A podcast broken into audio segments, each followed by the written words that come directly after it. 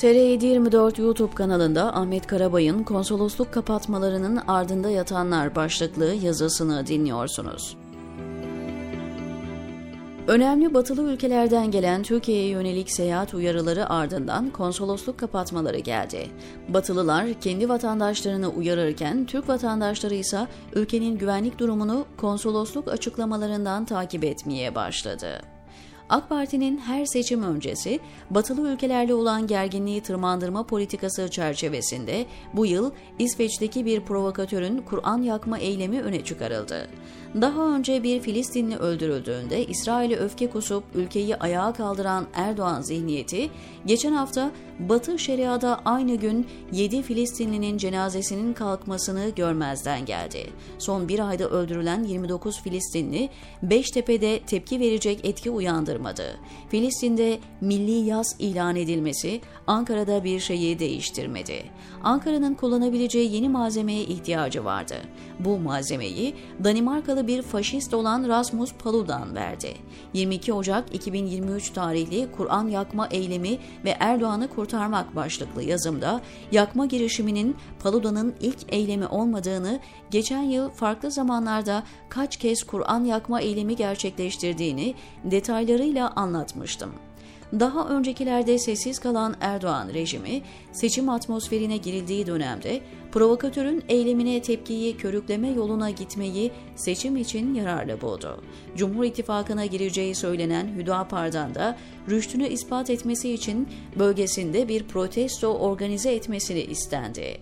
Hüdapar'ın perde arkası desteğiyle Kur'an Nesli platformunun düzenlediği protesto gösterisine on binlerce kişi katıldı. Protestoya katılanların tepkiselliği bu konunun Beştepe Sarayı için gündemde tutulmaya değer olduğunu ortaya koydu. Tepkilerin iktidardan muhalefete her kesimden yükselmesi İsveç'e yönelik öfkeye dönüştü. Öfkeli bir İslamcı grup Beyoğlu İstiklal Caddesi'ndeki İsveç konsolosluğuna girmeye çalıştı. Saldırgan kalabalığı polis güçlükle durdurabildi. Sosyal medyada troller tarafından öteki batılı ülkelerinde de Kur'an yakma eylemlerinin gerçekleştirileceği yolunda yer alan iddialar üzerine ABD ile pek çok Avrupa ülkesine yönelik bir öfke organize edilmeye başlandı. ABD Dışişleri Makamları bunun üzerine 27 Ocak'ta Türkiye'ye yönelik güvenlik uyarısı yayınladı. Avrupa'daki son Kur'an yakma olaylarının ardından ABD hükümeti vatandaşlarını Türkiye'deki ibadethanelere teröristlerin olası misilleme saldırılarına karşı uyarıyor. Teröristler ibadet yerlerini veya batılıların sık sık ziyaret ettiği yerleri hedef alarak çok az sayıda uyarıda bulunarak veya hiç uyarı vermeden saldırabilirler. İlk uyarı genel nitelik taşıyordu. Ancak 29 Ocak'ta ABD tarafından ikinci bir güncelleme yayınlandı. ABD'nin yeni İstanbul Başkonsolosu Julie Ida, NTV'den Deniz Kilisoğlu'na konuyla ilgili olarak yaptığı açıklamada istihbarat aldıklarında kendi vatandaşlarını uyarmanın öncelikli sorumlulukları olduğunu söyledi. İstanbul'un ABD hükümeti için bölgesel ve küresel güvenlik açısından son derece önemli bir kent olduğunu belirten ABD konsolosu Filistin kökenli İda, Türk makamlarıyla yakın bir işbirliği içinde olduklarını belirtti. ABD makamlarının vatandaşlarımızı teröristlerin Türkiye'deki ibadethanelere olası misilleme saldırılarına karşı uyarıyoruz. Teröristler ibadet yerlerini veya batılıların sık sık ziyaret ettiği yerleri hedef alarak saldırabilirler yolundaki açıklamaları önde gelen Avrupalı ülkeleri de harekete geçirdi. ABD'yi Türkiye'de en fazla hedef gösterilen ülkelerin başında gelen Fransa ve Almanya makamları takip etti. Fransız Büyükelçiliği gönderdiği uyarıda vatandaşlarından ibadet yerleri de dahil olmak üzere yabancı uyruklular tarafından sık ziyaret edilen yerlerden uzak durmalarını istedi. Almanya Dışişleri Bakanlığı da vatandaşlarına Türkiye'de terör saldırıları riski artmış durumda. Bundan dolayı özellikle yoğun, kalabalık kamusal yerlerde bulunmaktan kaçınılmalı. İbadet yerlerini ziyaret ederken dikkatli olunmalıdır uyarısı yaptı. Almanya'nın İstanbul Başkonsolosluğu 3 Şubat tarihine kadar güvenlik gerekçesiyle kapalı olduğu, vize ve pasaport hizmetleri verilmeyeceğini duyurdu. Önde gelen batılı ülkeler vatandaşlarına karşı bu uyarıları yaptıktan sonra bir adım daha attı. Almanya, İngiltere, Fransa ve Hollanda konsolosluklarındaki faaliyetleri geçici olarak durdurma kararı aldı. Hollanda 30 Ocak'tan itibaren ikinci bir tarihe kadar hizmet vermeyi durdurduklarını açıkladı.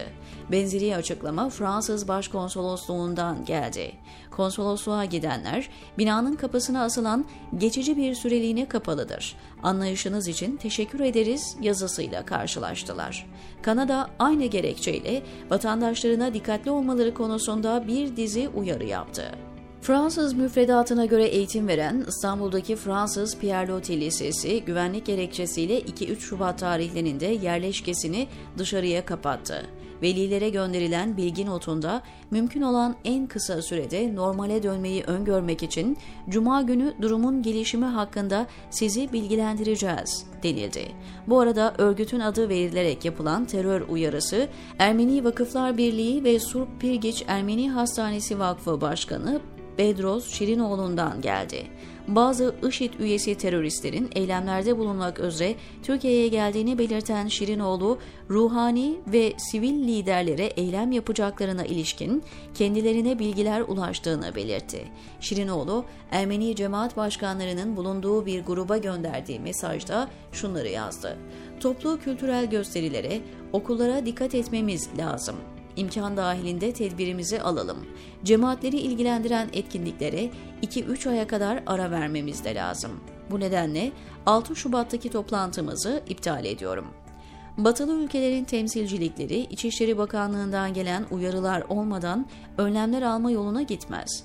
Ervap Başkanı Bedros Şirinoğlu da açıklamasının devamında uyarıyı emniyetten aldığı bilgilendirme üzerine yaptığını hatırlatıyor. Dahası bakanlık kendisine verilen korumayı artırdığını söylüyor.